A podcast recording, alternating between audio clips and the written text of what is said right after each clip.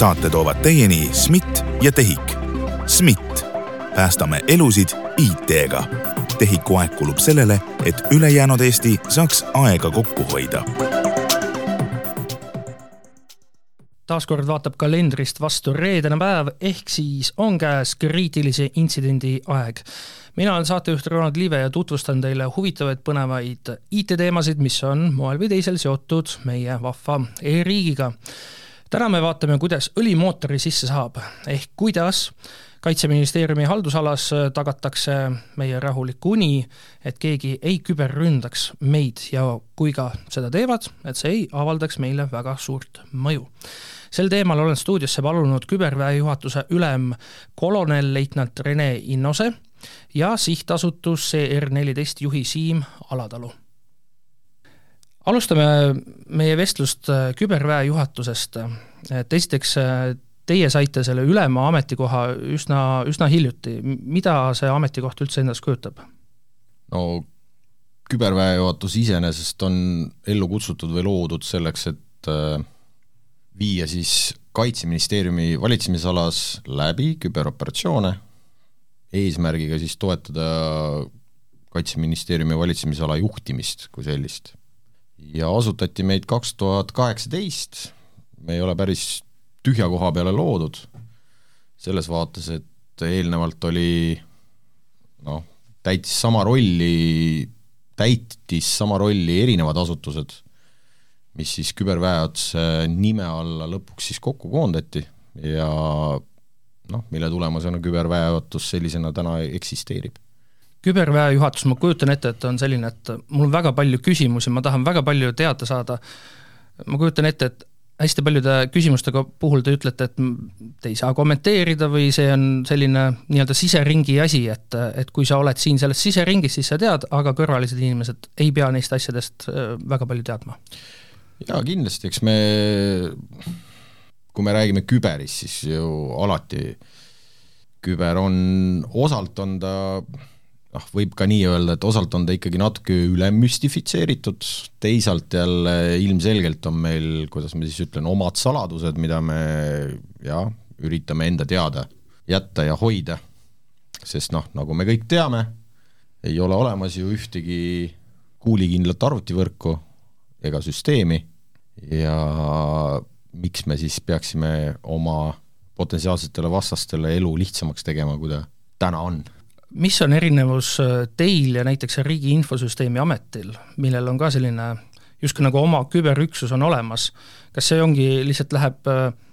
erinevus sellest, et nemad tegelevad äh, siis, kui nii-öelda tavaline olukord meil on ja kui läheb nagu sõjaolukorraks, siis on see, kus teie tulete rohkem mängu? no kui algusest tulla, siis ega meil ei olegi mingit erinevust, meie sisuliselt noh, ma ei saa öelda, et me kopeerime RIA-t, aga me täidame sama funktsiooni, lihtsalt RIA noh, vastutusala on palju laiem ja meie vastutame, küberväejuhatus vastutab Kaitseministeeriumi valitsemisala eest ja ainult selle eest. RIA loomulikult on üle-eestilise vastutusega, nii et me oleme üks väike mull suures Eesti küberruumis siis aga kõik need praegused intsidendid, millest on siin meedias äh, päris igapäevaselt ei ole võib-olla iganädalaselt praegu juttu, selliste intsidentidega tegeleb äh, RIA ja mitte teie? jah, kui need intsidendid on noh, juhtuvad väljaspool Kaitseministeeriumi valitsemisala, siis on see jah, RIA sekkuda aga kui jutt läheb näiteks selle peale, et keegi küberründab Kaitseministeeriumi veebilehte, saab kuidagi sisesüsteemidesse sisse, meil siin eelmine aasta oli Majandus- ja Kommunikatsiooniministeeriumiga selline kaasus, kaasus, kus dokumendiregistrisse saadi sisse, kas see on siis see koht, kus teie tulete mängu? jah, siis tuleme meie mängu, kui kõik, mis puudutab Kaitseministeeriumi valitsemisala, on meie turvata, julgestada, kaitsta ja müüristada. kas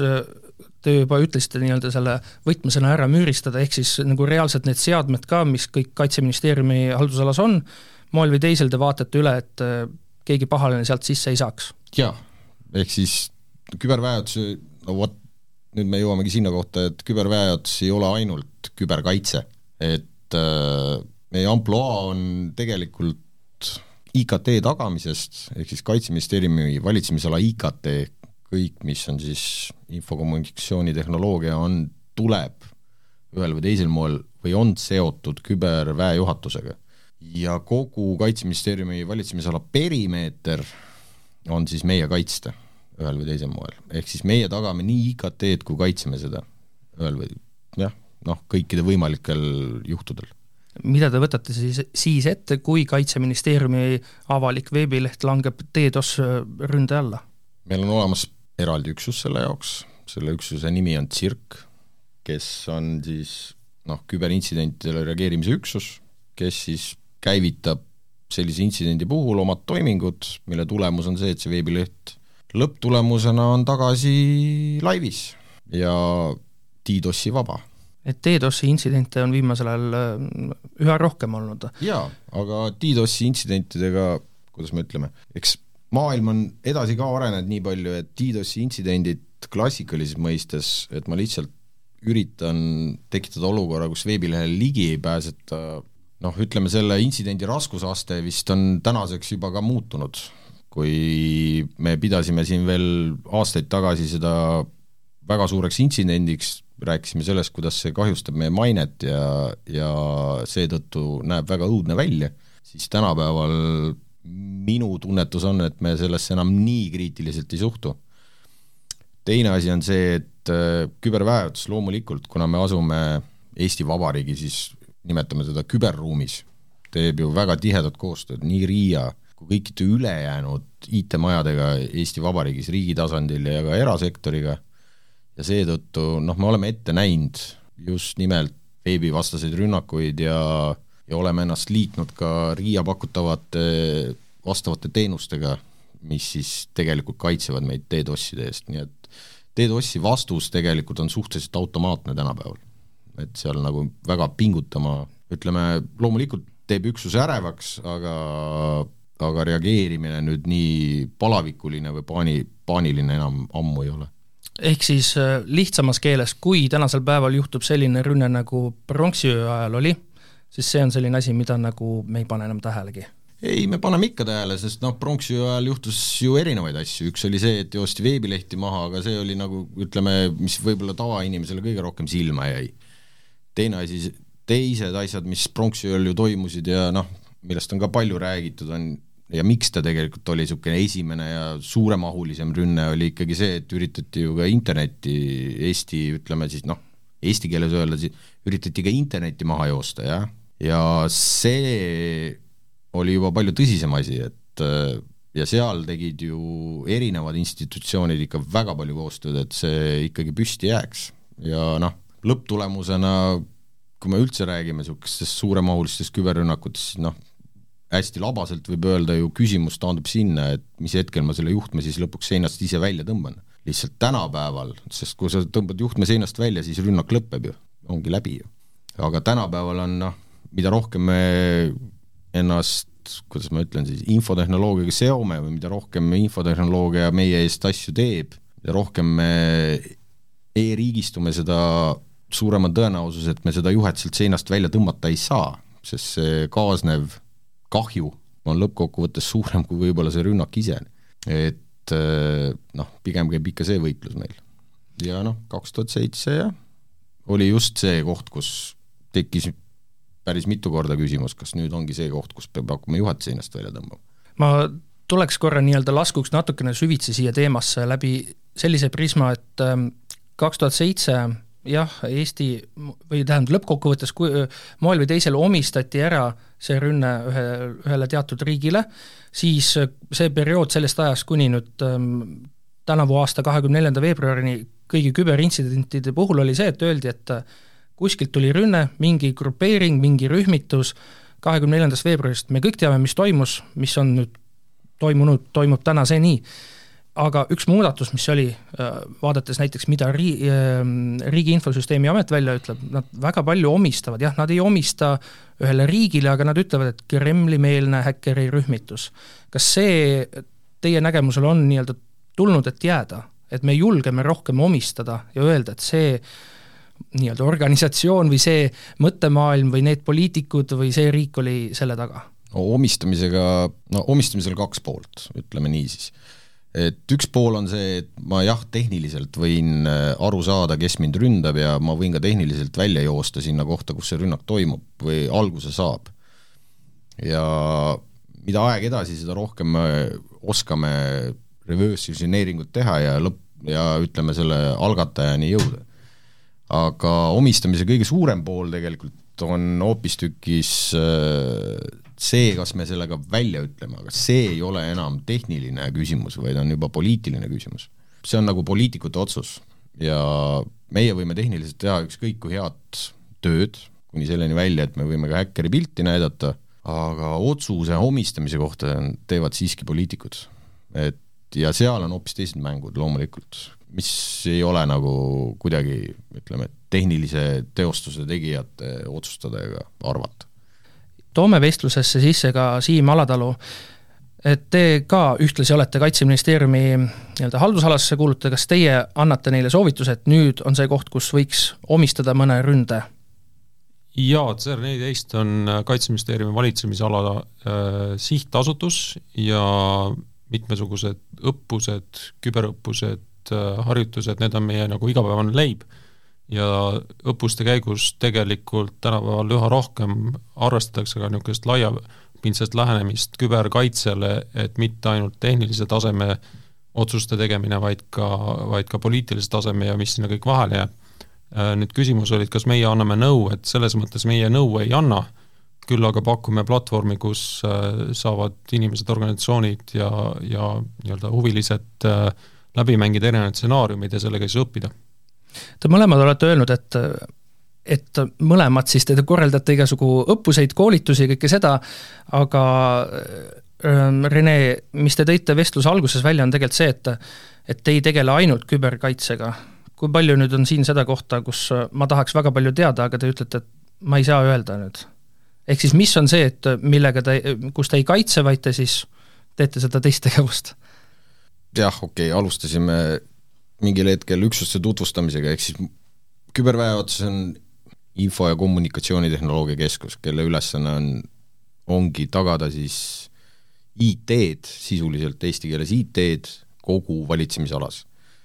see hõlmab endast nii datakeskusi kuni lõppkasutaja seadmeteni välja. ehk siis selle all te ei pidanud yeah meeles seda, et, et te nüüd justkui nagu ründaks, vaid ja, kogu, kõike seda on, muud? siis meil on järgmine keskus, mis on siis küberinfooperatsioonide keskus,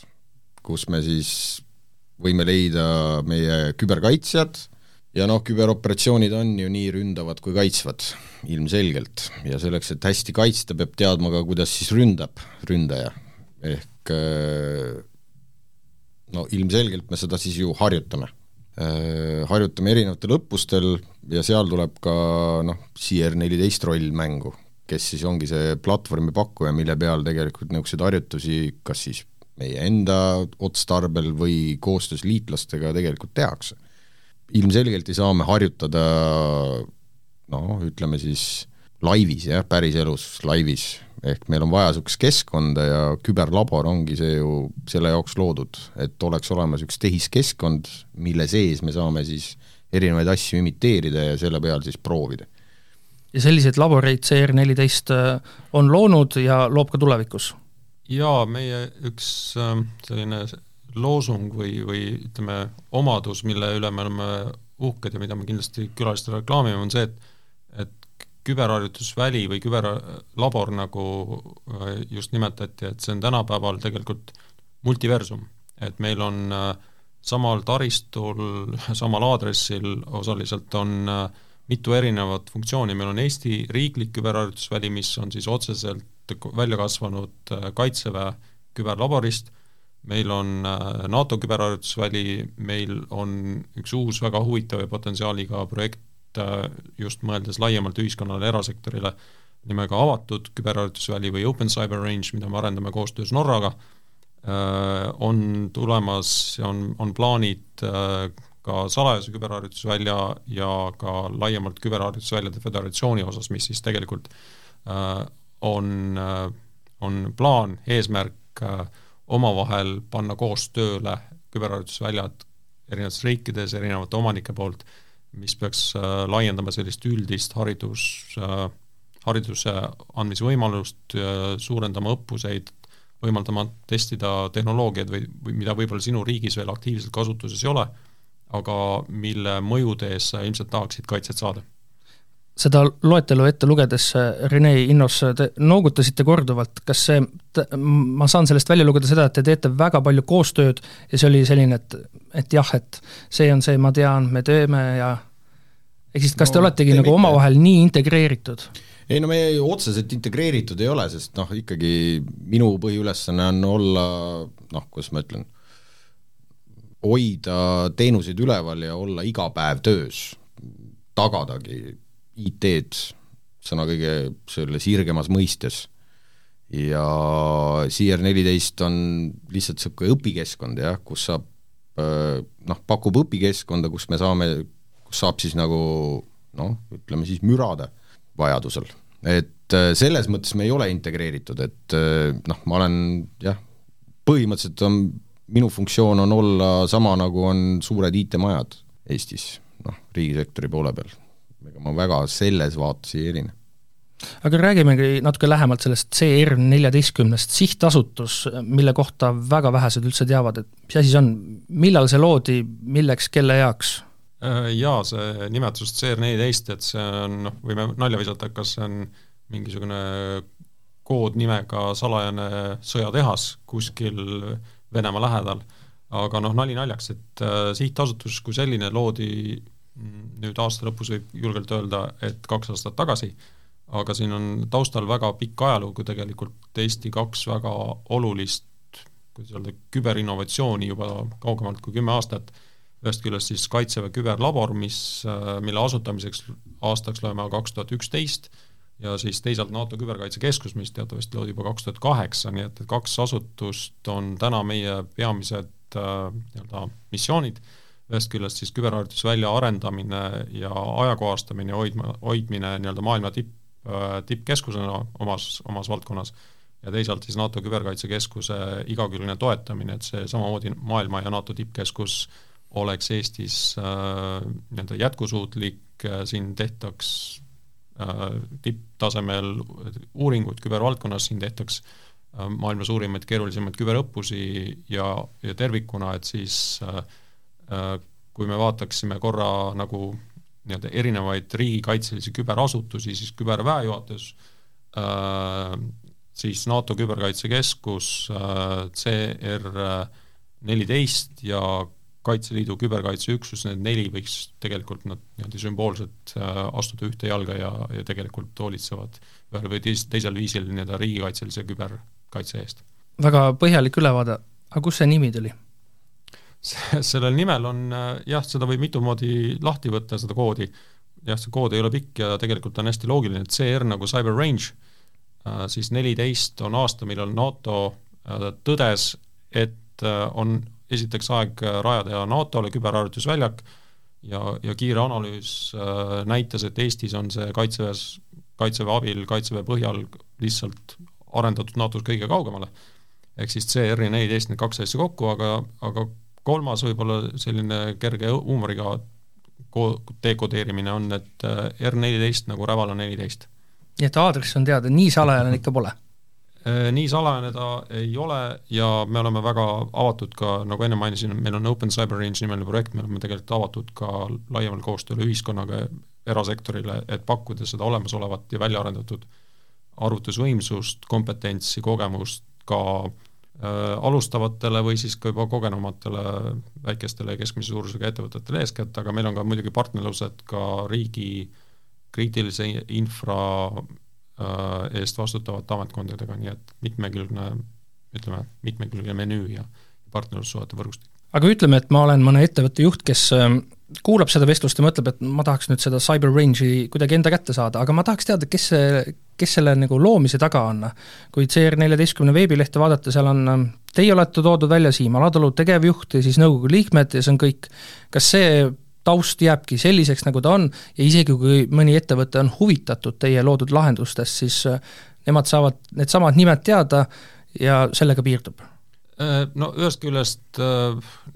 ütleme, minu kogemus küberküsimustega tegelemisel on nüüd niisugune kümme-viisteist aastat ja ma olen märganud, et tegelikult Eesti küberkaitsjad loomu poolest on äh, on tegelikult tagasihoidlikud, et tegelikult ei taheta eh, tihti ennast äh, väga avalikult näidata. Äh,, seda ühest küljest, teisalt on tegu kindlasti riigi vaatest, riigi julgeoleku vaatest väga väärtuslike inimestega, nii et nii-öelda oma trumpkaarte ei maksa tegelikult alati avada ja äh, kolmas kaalutlus on, on tegelikult äh, see, et me oleme asutusena küll suhteliselt äh, uus, aga samas ka selline hoiame sellist natuke startup'i vaimu, et me, me liigume edasi, aga me oleme avatud uutele mõtetele niimoodi, et et põhimõtteliselt selle kodulehekülje öelda, lakoonilisusest ei maksa heituda, et julgesti ühendust võtta ka siis minuga või, või info, et cr14.ee ja ja oleme valmis erinevaid küsimusi nii-öelda koos proovima lahendada. aga palju teil töötajaid on? Meil on töötajaid suurusjärgus viiskümmend ja, ja nagu mainitud, et siis meil on kaks suuremat missiooni, et inimesed aitavad nii küberharjutus välja arendada kui ka NATO küberkaitsekeskust. aga see küberharjutusväli, mis võiks ühel hetkel minna ettevõtete kätte, see on selline, kus nad saavad siis oma süsteemid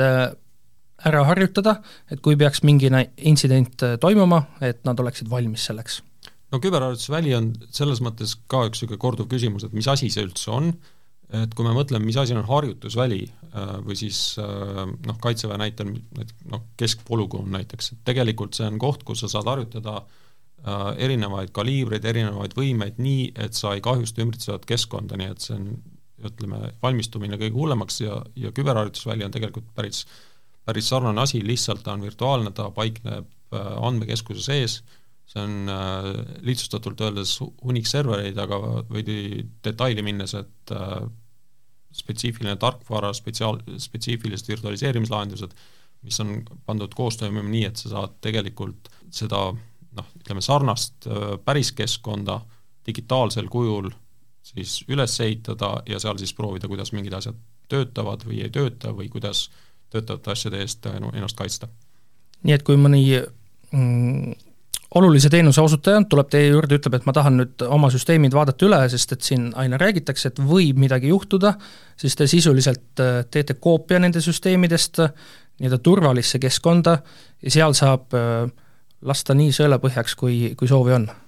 jah, põhimõtteliselt virtualiseerid näiteks kas mingi veepuhastusjaama või elektrialajaama või minu poolest mingi tõukeratta kas või et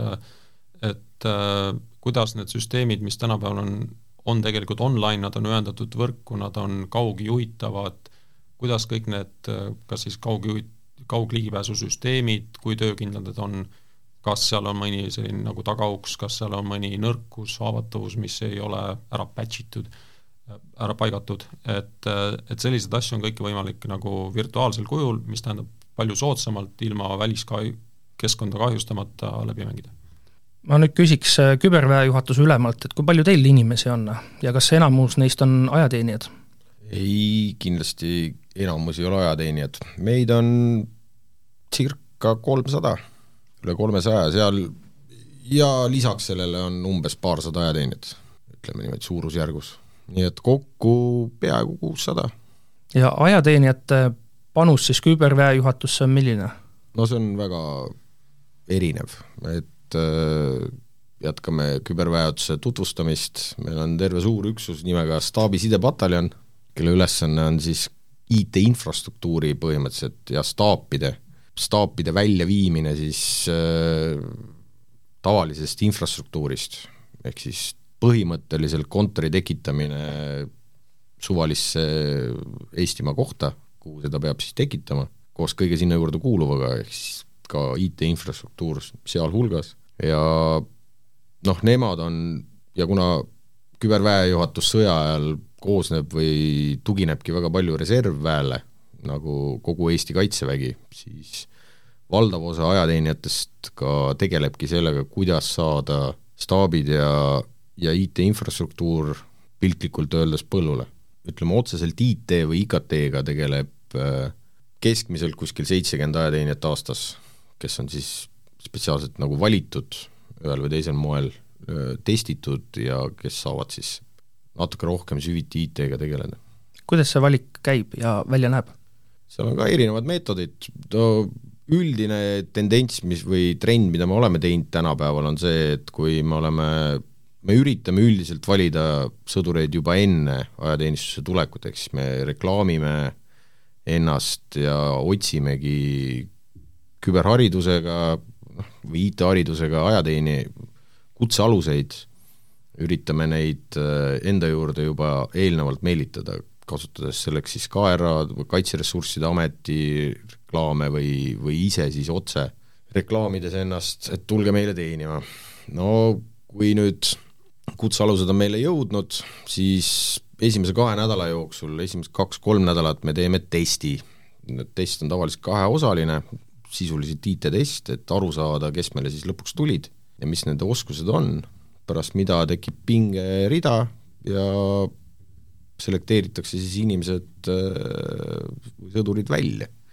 sõna otseses mõttes, sest noh, me peame sellest ka aru saama, et äh, meie juurde jõuab siiski niisugune üheksateist, kakskümmend noor, kes äh, valdavas osas on,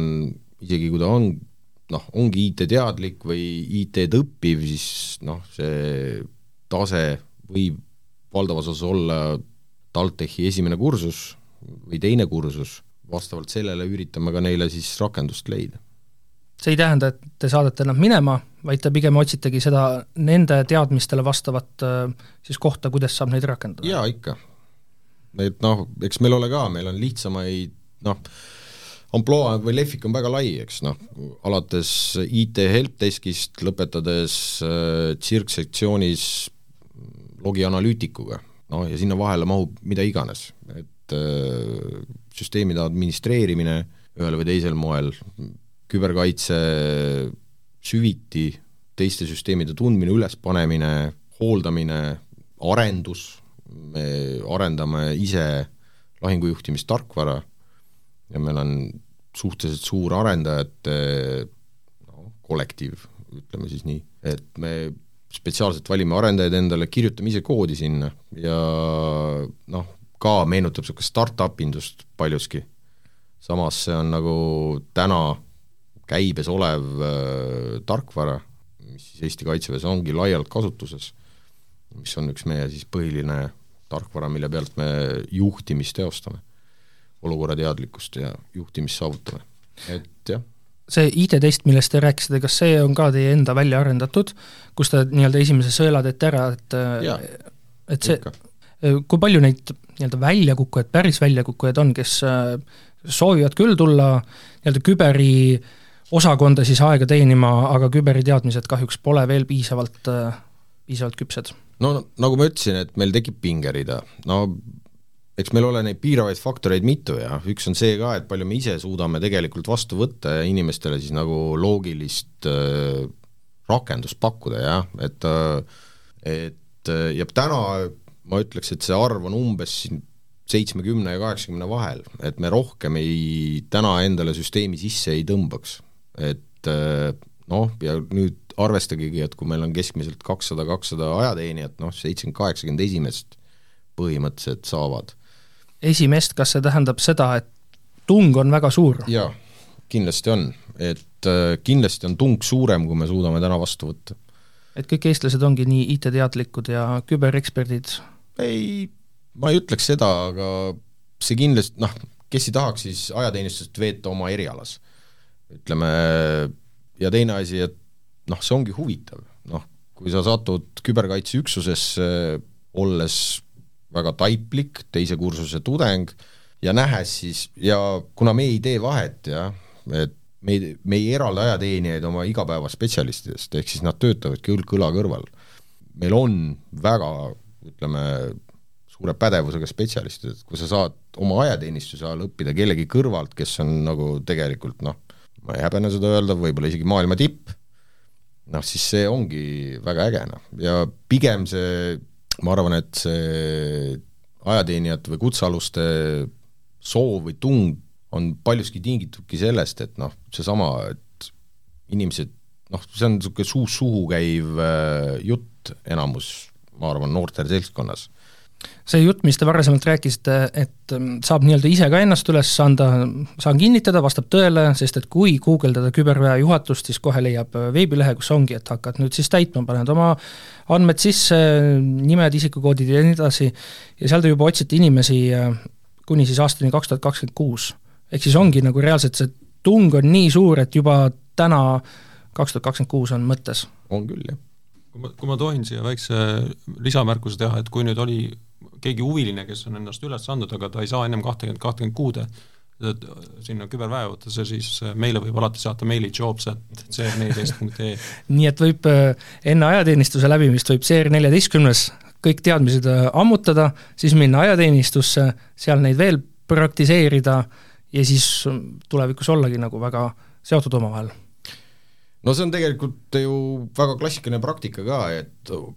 meie, meie ajateenijate hulgas on ju olnud nii RIA töötajaid kui SMIT-i töötajaid kui ükskõik missuguse muu riikliku IT-maja töötajaid, et ja see on okei okay. aga seal kehtivad nii-öelda tavalise ajateenistuse siis normid ja reeglid,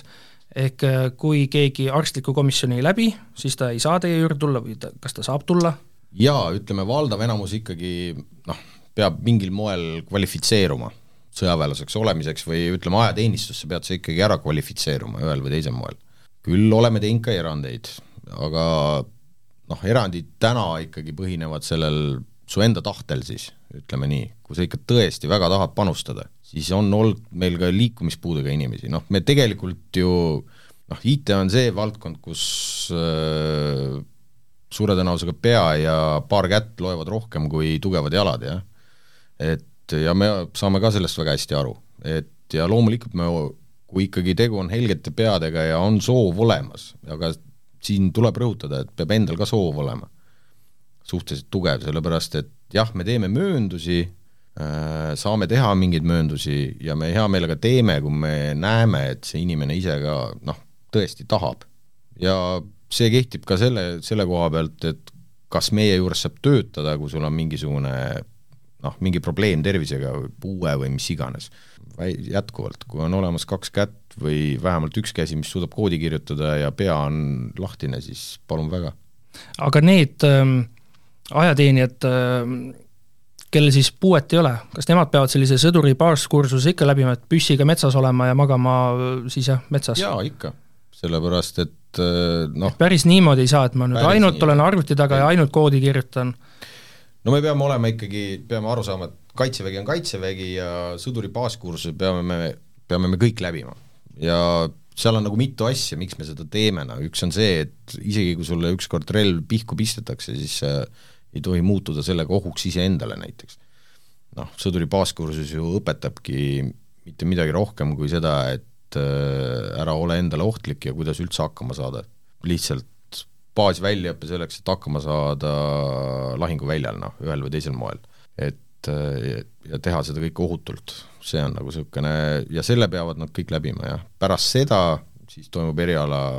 väljaõpe ja praktika ühel või teisel moel kujutame ette olukorda, et äh, olen üks helge pea, kes töötab mõnes Eesti edukas äh, iduettevõttes, näiteks kas või meie siin stuudio kõrval väga mitu iduettevõtte kontorit on,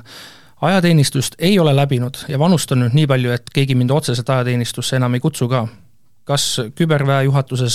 kui ma ikkagi näen, et mul on selline südamesoov, et kui peaks Eestis midagi juhtuma ja ma tahan Eestit kaitsta, püssi ma päris kätte ei taha võtta, aga koodi olen valmis kirjutama, kas siin on ka kuidagi siis küberväe juhatusel või CR14-l see võimalus, et et ma saan kuidagi ikkagi panustada Eesti heaks? jaa noh, võib-olla see on jälle üks müüt, et küberväejuhatuses ongi ainult sõjaväelased, absoluutselt ei ole. et äh, tegelikult IT-valdkonnas sõjaväelasi on isegi vähem kui tsiviliste. et kaalukauss rohkem praegu on tegelikult tsiviilpoole peale kaldu. aga erinevaid võimalusi on, kuidas tegelikult, kui on soov panustada riigikaitsesse, üks on see, et saab otse meie, noh, tulla siis meile tööle. teine versioon, kuidas saab panustada tegelikult riigikaitsesse, on läbi Küberkaitseliidu ja seal ei vaat-, seal ei oma ju ajateenistuses käimine või mittekäimine mingit tähtsust, et noh, Kaitseliit teeb oma kursusi ja viib läbi oma kursuste süsteemi isiku siis vastavale tasemele, kuidas seda vaja on. ja noh, CR14 samamoodi, et sõjaväelasi seal praegu hetkel minu teada väga ei olegi ju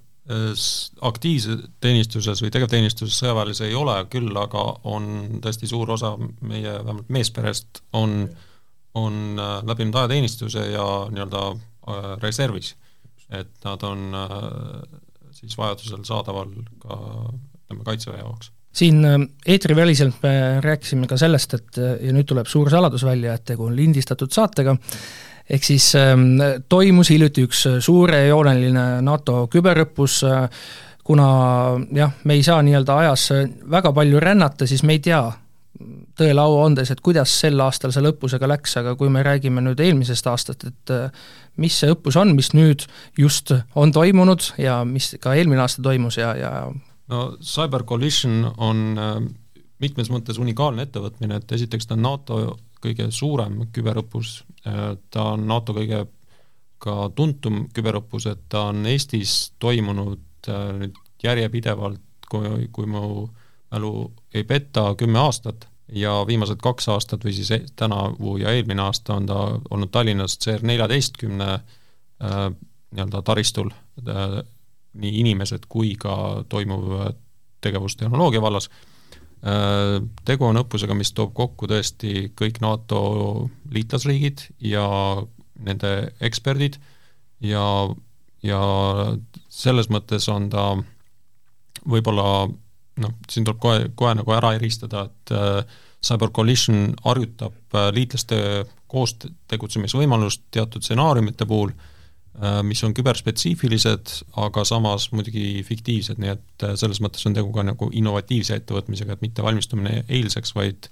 vaid äh, mõeldes tuleviku, lähituleviku stsenaariumitele, küberohtudele ja kuidas siis kolmkümmend ja isegi rohkem riiki, sest on kaasatud ka partnerriike, kuidas need äh, riigid koos saaksid nii-öelda ühe NATO märgi all äh, neid äh, kriise lahendada. kas selle aastase õppuse pealt on näha ka, et huvi selle koolituse vastu või tähendab, õppuse vastu on nüüd suurem kui eelmisel aastal? no seda võib kindlasti öelda, sest eelmine aasta oli tegelikult, õppus toimus pärast nii-öelda koroonaaega ja see oli tegelikult eelmine aasta juba äh, julge samm, et et äh, vaatamata veel möllavale viirusele tulid inimesed Tallinnasse kokku ja, ja sel aastal loomulikult isikkoosseisu poolest on ta suurem, äh, ma usun, et äh, stsenaariumid, mis on läbi aastate ka Eesti spetsialistide poolt koostatuna, on noh, komplekssemad kui, kui kunagi varem ja, ja muidugi huvi kogukonna poolt, sest see, see konkreetselt ühendabki siis küberväejuhatusi ja ja nende ekvivalente üle kogu NATO, et huvi nii-öelda ekspertkogukonna poolt on väga suur mida seal siis läbi mängitakse, kui palju te olete valmis neid stsenaariume avama? Äh, ma neid stsenaariumite sisse ei, ei läheks, aga ka eelnevate õppuste omi? Äh, no ütleme, kui ma vaatan nagu veidi julgemalt sinna algusaastatesse, kui see õppus Eestisse toodi, et äh, seda õppust esiteks mainin ära, et seda, selle peakorraldaja on Allied Command Transformation ehk siis üks kahest NATO strateegilisest väejuhatusest ja eestlaste roll on olnud nii selle põhiplaneerimismeeskonna võõrustaja kui ka õppuse nii-öelda siis peastaabi või, või läbiviimiskoha võõrustamine. ja, ja osalevad kõik äh, NATO riigid. Need stsenaariumite mõttes, äh, kui ma lihtsalt paari märksõna nimetan minevikust, on olnud erinevate pahavarade, nii-öelda õppuse spetsiifiliste pahavarade ettevalmistamine ja jälgimine, kuidas nad siis NATO-s kasutatavate süsteemide suhtes käituvad, kui, kui oskuslikult on äh, riigid neid tõrjuma. Ja väga olulisena, et kui head ja toimivad on NATO-sisesed protseduurid, hästi lihtne näide, et kui, äh, kui minu riigi näiteks võrk, äh, olgu need siis sõjalised või tsiviilsed, kui neid ohustab mingisugune pahavara, lunavara, mis iganes, kuidas mina ise suudan tõrjuda ja teiseks, kui ma ise ei suuda tõrjuda, kui hästi ma suudan liitlastega koostööd teha. ja et see oskus ja teadmine, et kuhu ma helistan, kui nüüd on tõesti probleem, äh, kuidas see, kuidas see toimib päriselus ja kas kõik oskavad seda teha. mille poolest see erineb äh, teisest NATO küberõppusest Locked Shields? Locked Shields on et olla nüüd hästi täpne, siis see on NATO Küberkaitsekeskuse õppus, et see ei ole NATO ametlik õppus, vaid on tegelikult korraldatud, läbi viidud ja selle sihtriigid on NATO Küberkaitsekeskuse liikmesriigid. Ja, ja CCDCOE siinsamas Tallinnas, et neid äh, riike on tegelikult rohkem kui NATO-s, äh, ma nüüd ei, ei taha eksida, aga vist suurusjärk kolmkümmend kaheksa riiki on kaasatud ja seal mängitakse läbi ka laiapindsemaid rünnakuid, nii et äh, objektid, mida siis rahvuslikud või mitmerahvuslised äh, kaitse ehk siis sinised meeskonnad peavad kaitsma, need on tõesti äh, õhukaitseradaritest elektrijaamadeni, veepuhastusjaamadeni, kõik protseduurid, mis sinna vahele jäävad, nii et, et see on ma ütleks isegi ambitsioonikam, ta on kindlasti tehniliselt kõige komplekssem ja, ja seal siis nagu ka riigid saavad kokku harjutada reaalselt oma siniseid meeskondi, nende vastaseks on mitmerahvuseline punane meeskond, kes, kelle puhul me ei saa ka ühtegi nime ega pilti siin, siin välja tuua, aga kes siis harjutatakse kokku nii, et nad suudavad rünnata väga erinevaid aspekte meie ütleme, ühiskonnas, olgu siis kas need nii-öelda rünnakud üle võrgu või rünnakud spetsiifiliste süsteemide vastu, ja siis need sinised meeskonnad omalt poolt peavad suutma kõiki, kogu seda ampluaad kaitsta. ja küberväejuhatus osaleb äh, neist õppustest mõlemal? Kas seal on ka ajateenijatel võimalus osaleda? Või see on juba see, et peab nii-öelda tööl olema? me oleme ajateenijad kaasanud, eriti Cyber Collisionile ja Rocket Shieldiga on, ma arvan, et oleme ka. Sellel aastal olid ajateenijad jah, Rocket Shieldil ka. et noh, jällegi see näitabki seda, et tegelikult äh, meie jaoks on oluline os-, noh, inimese oskused jah, et äh, me ei tee nagu väga vahet, spetsialist on spetsialist, täna ta on ajateenija, homme on ta reservväelane ja, ja me ei saagi vahet teha, sellepärast et kui ta homme on reservväelane, siis lõppkokkuvõttes tagasi, kui kriis peaks tekkima ja on vaja kutsuda reservvägi välja, siis tagasi ta tuleb mingisse meeskonda me ju, ajateenistuse eesmärk ei ole mitte inimesi ekspluateerida, vaid ajateenistuse eesmärk on valmistuda kriisiks ja selleks kriisiks valmistumisel me ju komplekteerime tiime või meeskondi ja me üritame selleks, et seda meeskonda kokku saada, peab ta juba rahuajal ka koos töötama. Seega me ei tee väga vahet, jah. see, siit ka minu kohmetus. kas oli Loketšiidil ajateenijad, ma arvan, et olid sest noh, meeskond meil väljas oli ja ma olen kindel, et meil olid ajateenijad seal sees. kui ma lihtsalt lisan ühe asja, et seesama meeskonna väljaõpe ongi just Lock Shieldsi puhul väga oluline, võib-olla ma üldistan veidi, aga seal Lock Shieldsi üks oluline aspekt on nii-öelda võistlusmoment. et alati kuulutatakse välja ka, milline riik on olnud kõige parem või siis esikolmik, milline meeskond täpsemalt, see riikide osalus või võidu, võidusoov tuleb alati välja kohestes sotsiaalmeedia postitustes pärast õppust, kus üksteisele õnne soovitakse. Äh, aga just äh, võitja strateegia on reeglina see, kes suudab äh, oma sinises meeskonnas esiteks laenada laiapindselt, et tõesti sul on inimesed, kes oskavad siin kaitsta veepuhastusjaamu või on sul inimesed, kes oskavad mingit pahavara, kuidas öelda, seda siis lahti võtta või siis kahjutustada Äh, nii et see meeskond või see riik, kes suudab kõik need erinevad aspektid ühtsesse rusikasse koonduda, see on tegelikult see nii-öelda võitja.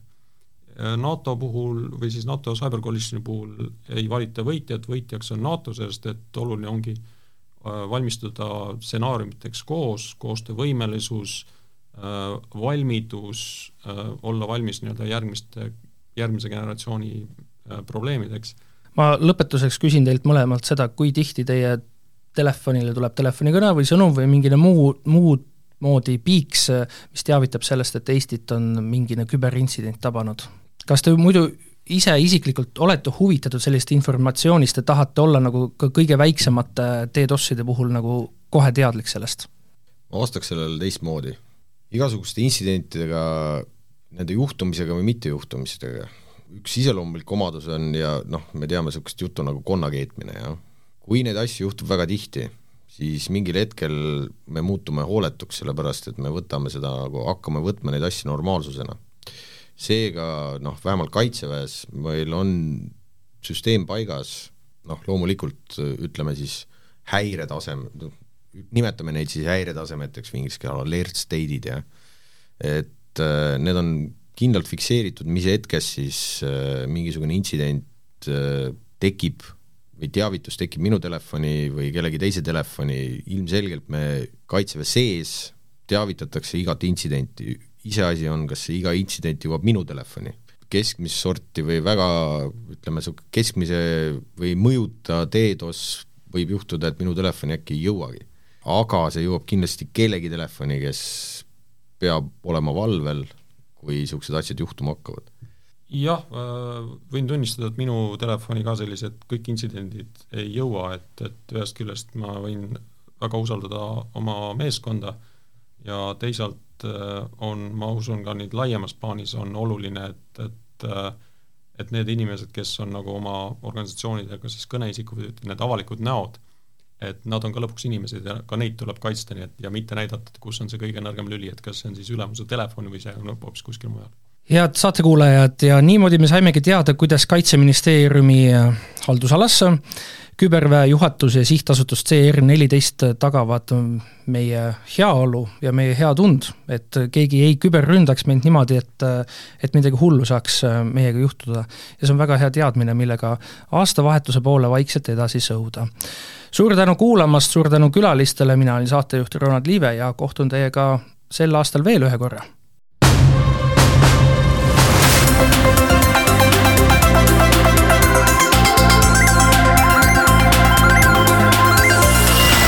saate toovad teieni SMIT ja TEHIK. SMIT,